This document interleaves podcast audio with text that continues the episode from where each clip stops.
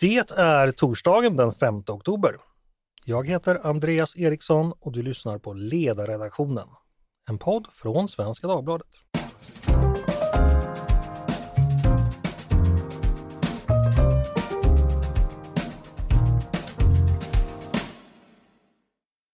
Varmt välkomna till oss igen. Idag är det dags att åter vända blicken mot Ukraina och deras motståndskamp. Det har ju gått mer än ett och ett halvt år sedan Rysslands fullskaliga invasion. Under tiden som Ukraina kämpat för sin frihet och oberoende har också omvärlden gjort mycket för att hjälpa till och bistå. En stor del av den hjälpen har som ni vet kommit via regeringar, det vill säga från stat till stat. Men en annan viktig del av hjälpen kommer också från enskilda, det vill säga direkt från människor här i Sverige exempelvis till människor i Ukraina. Det ska vi prata vidare om idag och då har jag med mig två gäster. Stefan Persson från organisationen Blågula bilen. Varmt välkommen hit Stefan! Tack så mycket! Och Ellie Reynolds från hjälporganisationen Operation Aid. Varmt välkommen du också! Tack så mycket, fint att eh, jag blev inbjuden.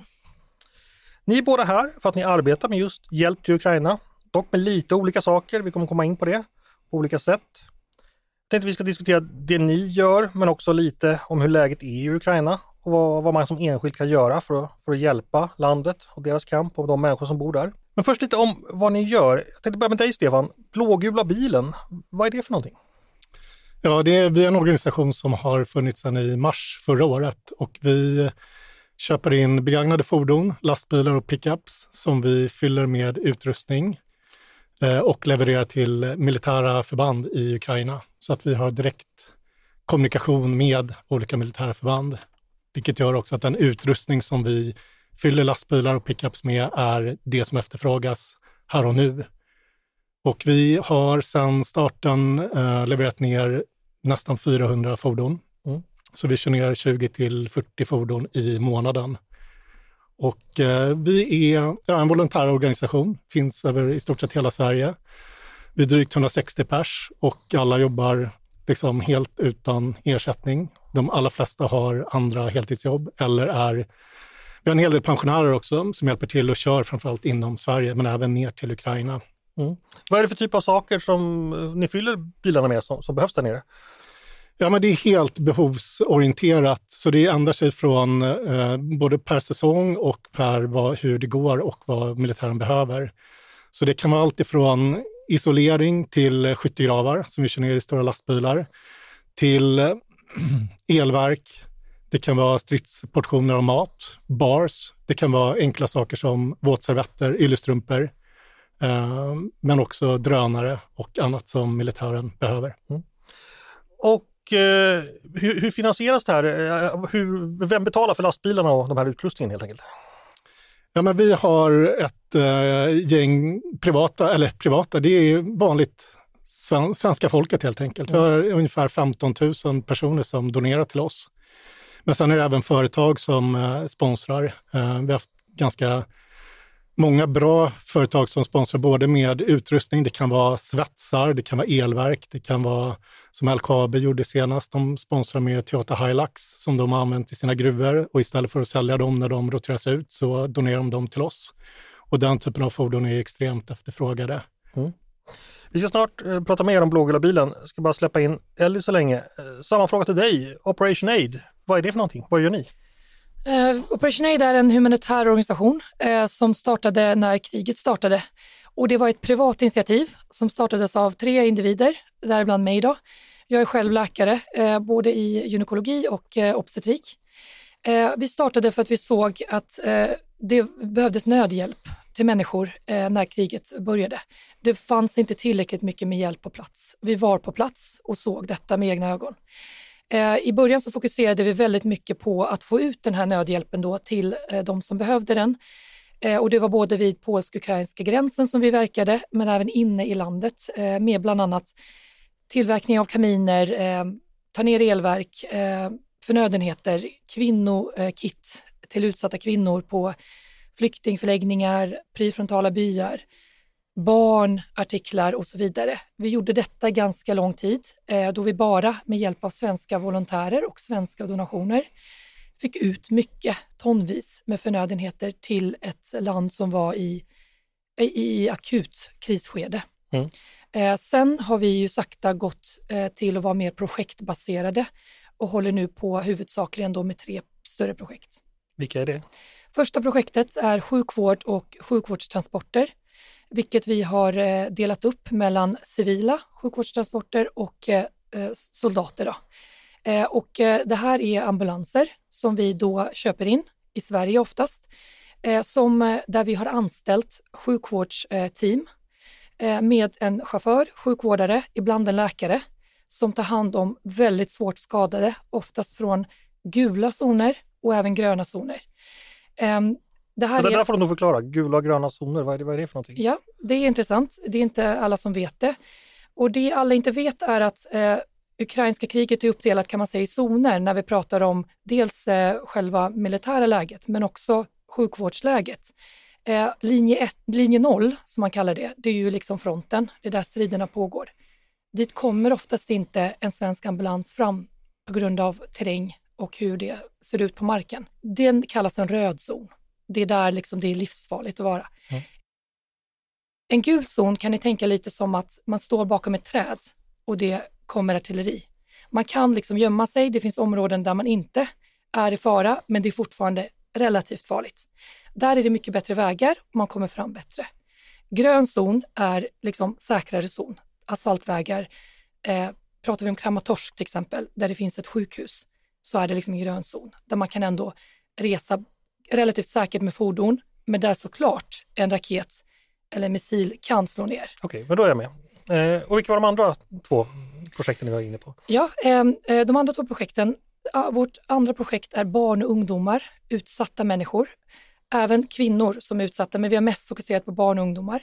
Eh, vad vi gör där är att vi ser till att de här barnen och ungdomarna som har förlorat eh, dels kanske en förälder i kriget eller är väldigt utsatta ekonomiskt får stöd med eh, utbildning. Eh, vi eh, utbildar dem i IT, eh, vi har eh, psykologhjälp eh, och vi eh, eh, ger de här ungdomarna och barnen möjlighet att göra någon hobby sysselsättning, till exempel träning. Det kan vara att de får gå på judoklasser, simning, fotboll eh, och det är jätteuppskattat och vi har märkt att det är väldigt få som gör just detta i Ukraina. Och de här barnen har ju drivit omkring nu över ett och ett halvt år utan skolgång, utan, ja, men utan stöd egentligen. Det tredje projektet är eh, återuppbyggnad. Eh, där har vi fått, har, på grund av att vi varit på plats så länge i Ukraina, så har vi skaffat oss ett överblick över hur man jobbar i landet med en, ett område som återuppbyggnad. Och där jobbar vi med att kanalisera främst svenska företag eh, och andra som vill donera till exempel tak. De donerade 9000 kvadratmeter tak till oss i våras som vi såg till hamnade på byggnader så folk kunde flytta tillbaka in. Mm. Okej, eh, jag är lite nyfiken på, eh, ja, eller du berättade att du var med och, och, och startade det här eh, och ni är båda nystartade organisationer. Eh, St- Stefan, Blågula bilen, eh, hur är liksom origin, story här? Hur, hur gick det från idé till färdig organisation? Kan du berätta lite om det? Ja, men det började med att eh, Take Anstot eh, från Linköping, eh, när kriget bröt ut så hade han en lastbil som stod som var lite, halv, i lite halvdåligt skick. Mm. Så fixade han till den med lite hjälp och eh, bad på Facebook om, eh, om någon kunde liksom, eh, donera lite material och förnödenheter och fylla den med. Och eh, så körde han ner den och bad också kompisar och vänner om hjälp att swisha pengar för diesel. Och när han kom tillbaka så var det ganska mycket pengar över på hans konto och då köpte han tre lastbilar till eh, och på den vägen har det fortsatt. Så vi har gått ifrån att vara en person till över 160 personer. Mm. Och från början så har vi jobbat direkt mot militären för att vi ser ju att får vi inte stopp på orsaken till varför lidandet är så stort så spelar det ingen roll hur mycket vi ger egentligen humanitär hjälp. Eh, utan vi måste få ut eh, ockupationsmakten, ryssen, ifrån Ukraina. Det är det som gäller och det är det vi fokuserar på. Mm. Hur, hur blev du själv engagerad? Hur, hur kommer det sig? Nej, men jag är ju gammal, höll jag Nej, men Jag har gjort lumpen, eh, körde stridsbåt eh, på 90-talet och eh, har väl alltid varit där intresserad av fred och frihet och demokrati. Och eh, när kriget bröt ut så var jag nere med min son i Alperna och eh, åkte skidor. Och på vägen därifrån så var jag på väg till Wiens flygplats. Och det var skyltar mot Ukraina och då kände jag att jag vill åka dit. Så jag sa det till min son, nej men jag vill egentligen fortsätta in i Ukraina och hjälpa till. Och då sa han, men varför då? Vad ska du dit göra? Det är ju krig där.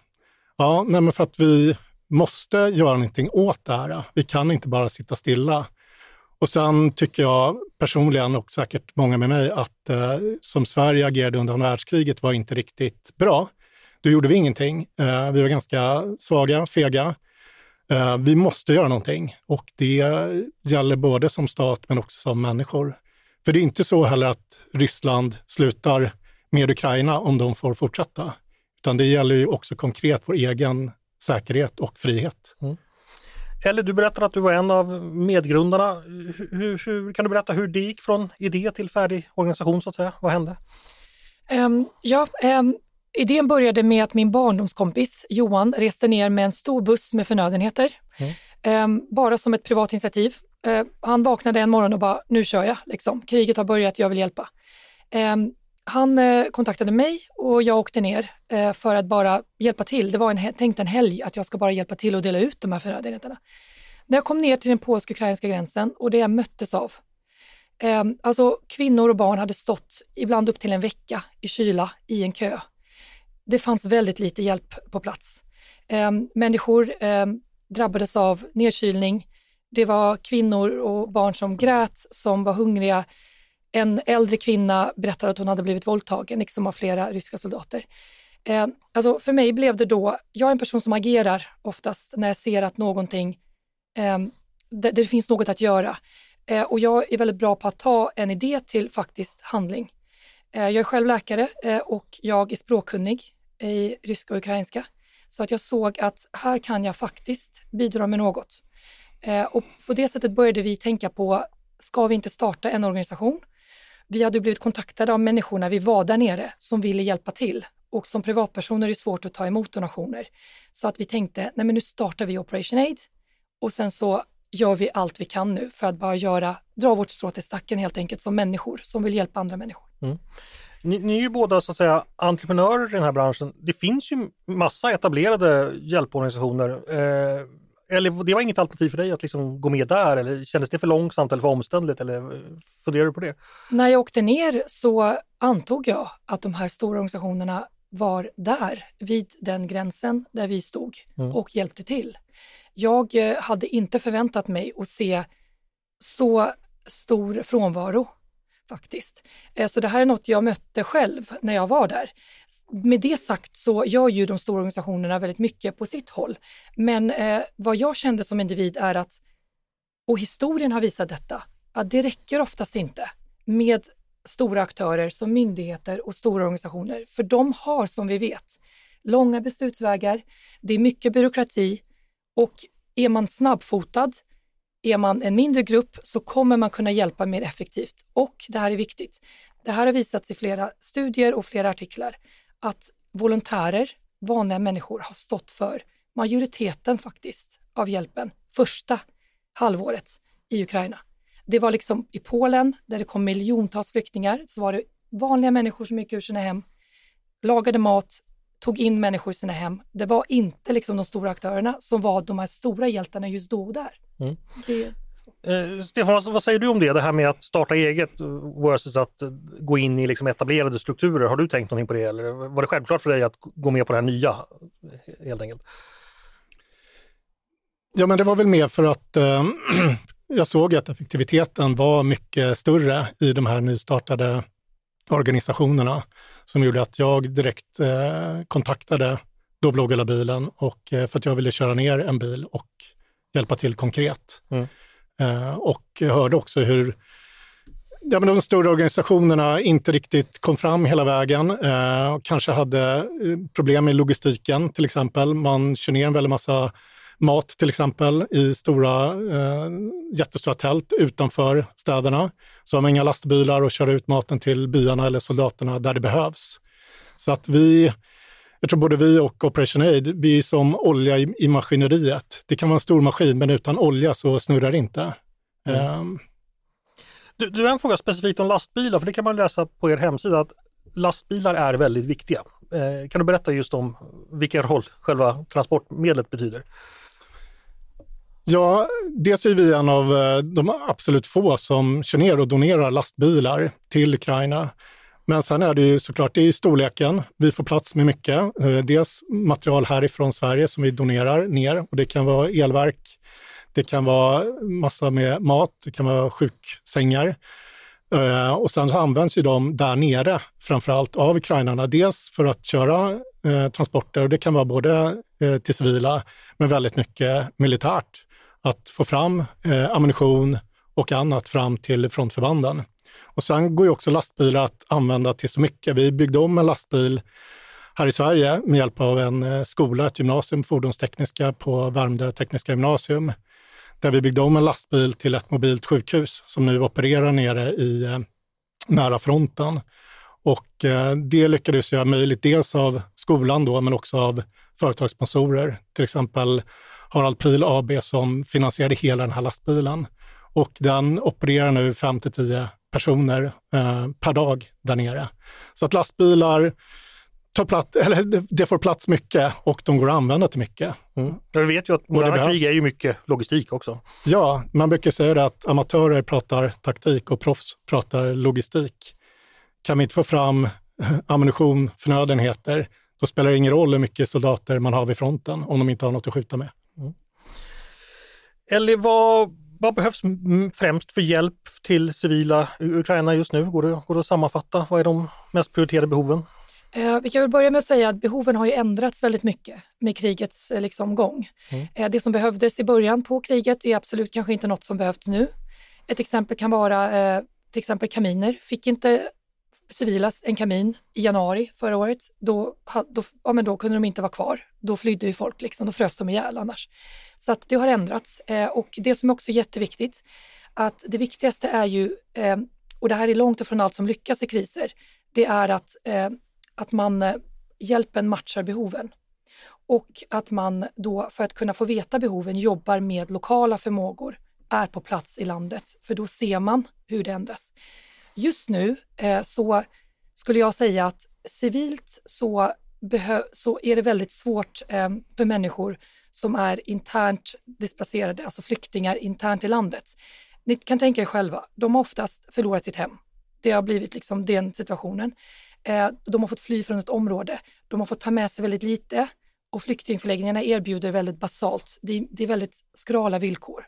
Så att eh, vill man hjälpa till så kan man gärna se vilka flyktingförläggningar finns det, hur kan vi hjälpa? Behöver de till exempel sängar, madrasser, kläder, vad som helst. Men det är bra liksom att ta reda på det. Det är kvar en del civila i prefrontala byar fortsatt. Eh, de är oftast äldre och de vill inte lämna för de kommer vara där liksom till slutet. Det här är väldigt nära och det är farliga områden. Såklart behöver de också hjälp, eh, men där får man tänka, militären åker ut ganska mycket med förnödenheter dit, Eh, men de är liksom utsatta kan man säga, den gruppen av människor. Jag kan säga att mat och kläder och sånt, det är inte alls samma behov nu i landet i det hela som det var i början på kriget. Nu skulle jag säga det är långsiktiga eh, satsningar vi behöver. Det är utbildning. Vi behöver satsa på barnen, på ungdomarna. Kvinnorna behöver stöd. Till exempel, vad gör vi när så många män dör vid fronten? Vad händer eh, med de yrken som då de här männen hade innan? Vad händer i samhället då? Behöver vi kanske eh, utbilda kvinnor till manliga yrken för att samhället ska fortsätta fungera? Jag skulle säga att vi måste börja fokusera mer på sådana behov eh, och även såklart då återuppbyggnad så att folk kan återvända till sina hem. Mm. Eh, Stefan, om du får vara vår sakkunniga kring det militära eftersom du jobbar mycket med det. Vad finns att säga om behoven där för den ukrainska krigsmakten och, och, och kriget? Går det att säga någonting om det? Vad är, vad är mest prioriterat just nu? Nej men såklart så är ju det kläder eh, inför vintern. Det kan vara eh, strumpor, ullstrumpor och det kan vara bra skor eller stövlar. Eh, där har vi också samarbete med eh, flera företag i Sverige som har donerat bland annat eh, Polyver som gör skoterstövlar. Fantastiska. Så det kan vara de de sakerna. Eh, det är också som sagt bars, det kan vara våtservetter, men såklart elverk. Det behövs el i eh, skyttegravarna. Eh, drönare, det har ju alla förstått nu att det är extremt viktigt och då är Ukraina ju av med 10 000 drönare i månaden. Eh, och Kina har lite stoppat eh, leveranser från, från dem, men vi kan köpa, fortfarande köpa drönare i Sverige och eh, skicka ner. Vi har också ett projekt där vi bygger drönare på plats i Ukraina för att det är väldigt avgörande för deras förmåga att eh, föra krig. Får jag bara fråga en sak om drönare. Är det drönare som, och, som är så att säga, finns på civil marknad som, har, eh, som man kan bygga om till militära ändamål eller vad är det för typ av drönare? Nej, men det är både och. Det är dels eh, vanliga drönare som man kan köpa i, eh, i handeln här i, i Sverige. Alltså för, men, för, att filma då? då exempelvis. Filma, de används för att filma, och, eh, men också så kan de bära små granater helt enkelt. Och eh, de körs av drönoperatörer som har en som kör det virtuellt så att säga, som tittar in i, eh, har en sån här ögonmask på sig och styr den helt enkelt. Så att, mm. men de bygger som sagt, är väldigt duktiga. Ukraina är ju väldigt innovativa och duktiga på teknik. Eh, så de har ju många som olika bolag eller ja, företag där nere som helt enkelt bygger drönare, för det går åt. Mm. Och ryssarna har en extrem kapacitet även där på att bygga. Eh, jag tänkte fråga, vad, har ni någon känsla för, för engagemanget och stödet från svenskar i gemen? Eh, är det, börjar folk tröttna? Det är ju hemskt att säga, men ibland så sker ju sånt. Eller, eller är, det, är det samma engagemang som tidigare? Vad säger du Stefan, hur, hur märker du? Har du tänkt på det? Nej, men vi märker inte alls det, snarare tvärtom. Eh, om man tittar på eh, don donerade pengar till bloggerlabilen så har det ökat hela tiden. Sen kan det gå upp och ner, någon månad upp och ner. Eh, men, och uh, framförallt så har företag steppat upp ganska ordentligt. Och det gör ju stor skillnad när ett företag kan kanske donera 500 000 till oss och köpa lastbil. Det krävs rätt många privatpersoner som ska ta av sin vanliga lön för att donera pengar till oss. Uh, och ser också engagemanget på sociala medier är väldigt starkt och också ökande. Jag tror att fler börjar förstå att uh, det här är ett, uh, det är ett krig och det är viktigt för att stå upp för de värden vi tror på här i väst. frihet, demokrati och också att Ryssland kommer inte stoppa vid Ukraina om vi låter dem ta Ukraina. Eller har du någon uppfattning om det, eh, människor i Sveriges eh, vilja att ge, ge stöd? Är den fortsatt lika stark? Eh, jag kan hålla med eh, Stefan delvis att eh, eh, svenskar stöttar ju ukrainarna alltså verkligen fullt ut och det har de gjort. Och man känner stödet när vi är ute och pratar, när vi är ute på olika eh, paneler och möten och eh, på torg och så där känner man av liksom, gemenskapen och stödet. Men jag vill ändå säga att låt inte kriget bli en vardag. För historien har visat att så brukar det bli. Mm. Och vi ser tendenser till det. Dels är det inte lika mycket medial uppmärksamhet och bevakning på kriget. Eh, man använder kanske sekundära källor för att få information istället för att själva sända ner människor. Eh, så att det, det är, eh, jag är orolig att trots liksom världens fördömanden så fortsätter brutaliteterna. Och det är, kan bli ett långvarigt krig som kommer kräva en långvarigt stöd som inte upphör. Och vi på Operation Aid, vi jobbar ju väldigt också mycket med att hela tiden visa transparens. Här har vi fått er donation, hit har den gått. Vi, vi märker ju att vi måste aktivt hela tiden såklart jobba för att få in donationer. De kommer inte liksom av sig själv utan vi måste hela tiden liksom själva jobba väldigt hårt i vårt team, i vår organisation för att få dem. Mm. Då ska vi gå till vad, vad ni behöver från ja, lyssnarna exempelvis eller svenska folket som helhet. Eh, eller om man vill engagera sig, om man vill donera pengar eller om man vill engagera sig själv personligt. Vad kan man göra om man vill, tycker att det här med Operation Aid verkar väldigt bra? Mm. Ja precis, alltså för mitt eh, i det svåra finns det ju någonting väldigt enkelt och det är ju eh, en människas val att hjälpa andra människor. Och känner du att du eh, vill hjälpa, gör det. Eh, hur kan du hjälpa? Dels kanske du har en idé som du vill kunna genomföra. Eh, kontakta oss på Operation Aid, info at operationaid.org eh, och berätta om din idé. Eh, vi, vad vi fokuserar på när det gäller till att samla in och vad vi behöver just nu i vår organisation är sjukvårdsutrustning som våra sjukvårdsfordon behöver och det är faktiskt eh, mest taktisk utrustning. Det är liksom akut sjukvårdsutrustning som folk kan läsa om. Det är hemostatiska bandage till exempel, det är tourniqueter, Det är sånt som är livräddande vid den första liksom, mötet vid patienten. Det här är sånt som vi har en skrikande brist på, som vi verkligen behöver och det går att läsa på våra kanaler exakt vad det är. Eh, och sen så skulle jag säga att eh, eh vi behöver fordon, precis som Lågorna bilen, för att fordon eh, används i vår organisation och de slits och vi behöver alltid fordon. Våra sjukvårdstransporter behöver bytas ut. Det skulle jag säga att sånt som vi i akuta skedet nu behöver för våra projekt. Men har du datorer till våra ungdoms och barnprojekt, hör av dig. Vill du donera och vet inte hur, hör av dig. Eh, vill du donera några procent till köp av en ny ambulans, hör av dig till oss. Vi kan berätta vad vi behöver. Det mm. viktigaste är att du gör någonting som människa. Mm. Eh, jag tänkte du nämner Kier, det är kanske inte alla som känner till det, men det är ju en sak som verkligen kan göra skillnad. Kan du bara berätta vad, vad är en sån och vad gör den för nytta? För är... Ja. Eh, en toroké är ju kan man säga på eh, mer vanligt eh, språk ett stasband. Alltså om ni minns när ni ska gå och ta ett blodprov eh, så eh, stasar de ju Eh, i armen, det vill säga de sätter på ett band så att man lättare kan komma åt kärlen. Man blåser upp lite där? Liksom. Man blåser upp. Mm. Eh, vad en tourniquet gör, den stoppar en så att säga akut stor blödning. Mm. Det är det bästa du kan använda i fält för att stoppa en akut stor blödning. Det är det enklaste, det snabbaste och det räddar liv. Ja, det, det, erfarenheterna är väldigt tydliga från många krig. Ja, mm. så att när du till exempel har någon som eh, har fått ett ben bortsprängt eller träffats av splitter, splitterskador och det blöder friskt från en extremitet, då har du med en tourniquet, det har alla sjukvårdare och soldater vid fronten. Det är liksom ett absolut, de måste ha det.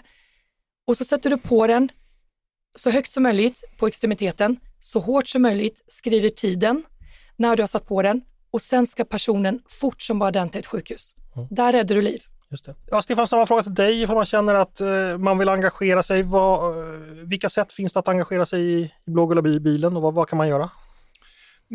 Nej, men jag tänker först att, att inte engagera sig, att inte hjälpa till, det är ju också ett beslut.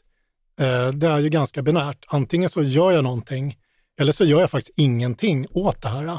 Så det är ett beslut som alla behöver tänka på. Um, såklart så um, går det alltså utmärkt att donera pengar till oss. Ehm, och man hittar lätt det på våra sociala kanaler på Twitter och Facebook och Instagram och LinkedIn och så vidare. Men även många eh, jobbar ju på företag där det kan finnas kanske bilar som inte används och som ska roteras ut. Det kan vara datorer som har blivit lite gamla men inte är för gamla. Det kan vara om man jobbar inom regionerna. Det kan finnas sjukvårdsutrustning som är på väg att Eh, eh Eh, komma till sitt bäst före datum och man är på väg att ta ut det. Så att på alla arbetsplatser så finns det oftast väldigt mycket saker som vi inte har behov av här, men som man har stort behov av i Ukraina.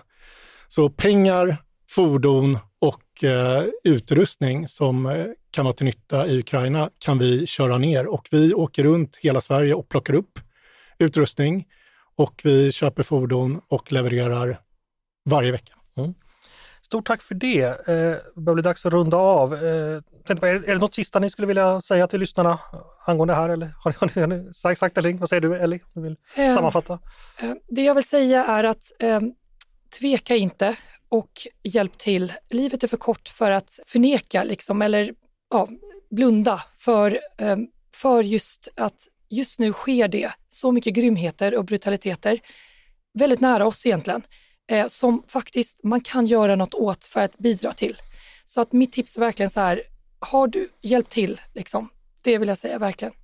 Stefan, några sista ord från dig? Nej, men jag tycker samma sak. Det pågår extrema grymheter som äh, på samma sätt som det gjorde under andra världskriget och det pågår här och nu. Och nu lever vi, vi kan göra någonting åt det. Och Ukraina för en fantastisk kamp. Eh, de anpassar sig utifrån förutsättningarna. De slår mot Rysslands förmåga att föra krig. Ehm, det finns ju många som tänker att det inte går så fort med den här motoffensiven. Ehm, men Ukraina vet precis vad de gör och de tar sig framåt hela tiden, men de behöver vårt fortsatta stöd. Militären och civila. Stort tack för det. Eh, och därmed är det dags att säga stort tack till Stefan Persson från Blågula bilen och Ellie Reynolds från Operation Aid för att ni gästade mig idag. Tack så mycket. Tack, tack så mycket. mycket. Och tack också till er som har lyssnat. Och eh, ja, man kan ju förstås då hitta både Blågula bilen och Operation Aid, både förstås på, på internet och i olika sociala medier. Tack till er som har lyssnat på Ledarredaktionen, en podd från Svenska Dagbladet. Ni är varmt välkomna att höra av er till redaktionen med tankar och synpunkter på det vi precis har diskuterat. Men också om ni har förslag och idéer på vad vi ska ta upp i framtiden. Då är det bara att mejla till ledarsidan snabla svd.se. Dagens producent, han heter Jesper Sandström. Själv heter jag Andreas Eriksson och jag hoppas att vi hörs snart igen.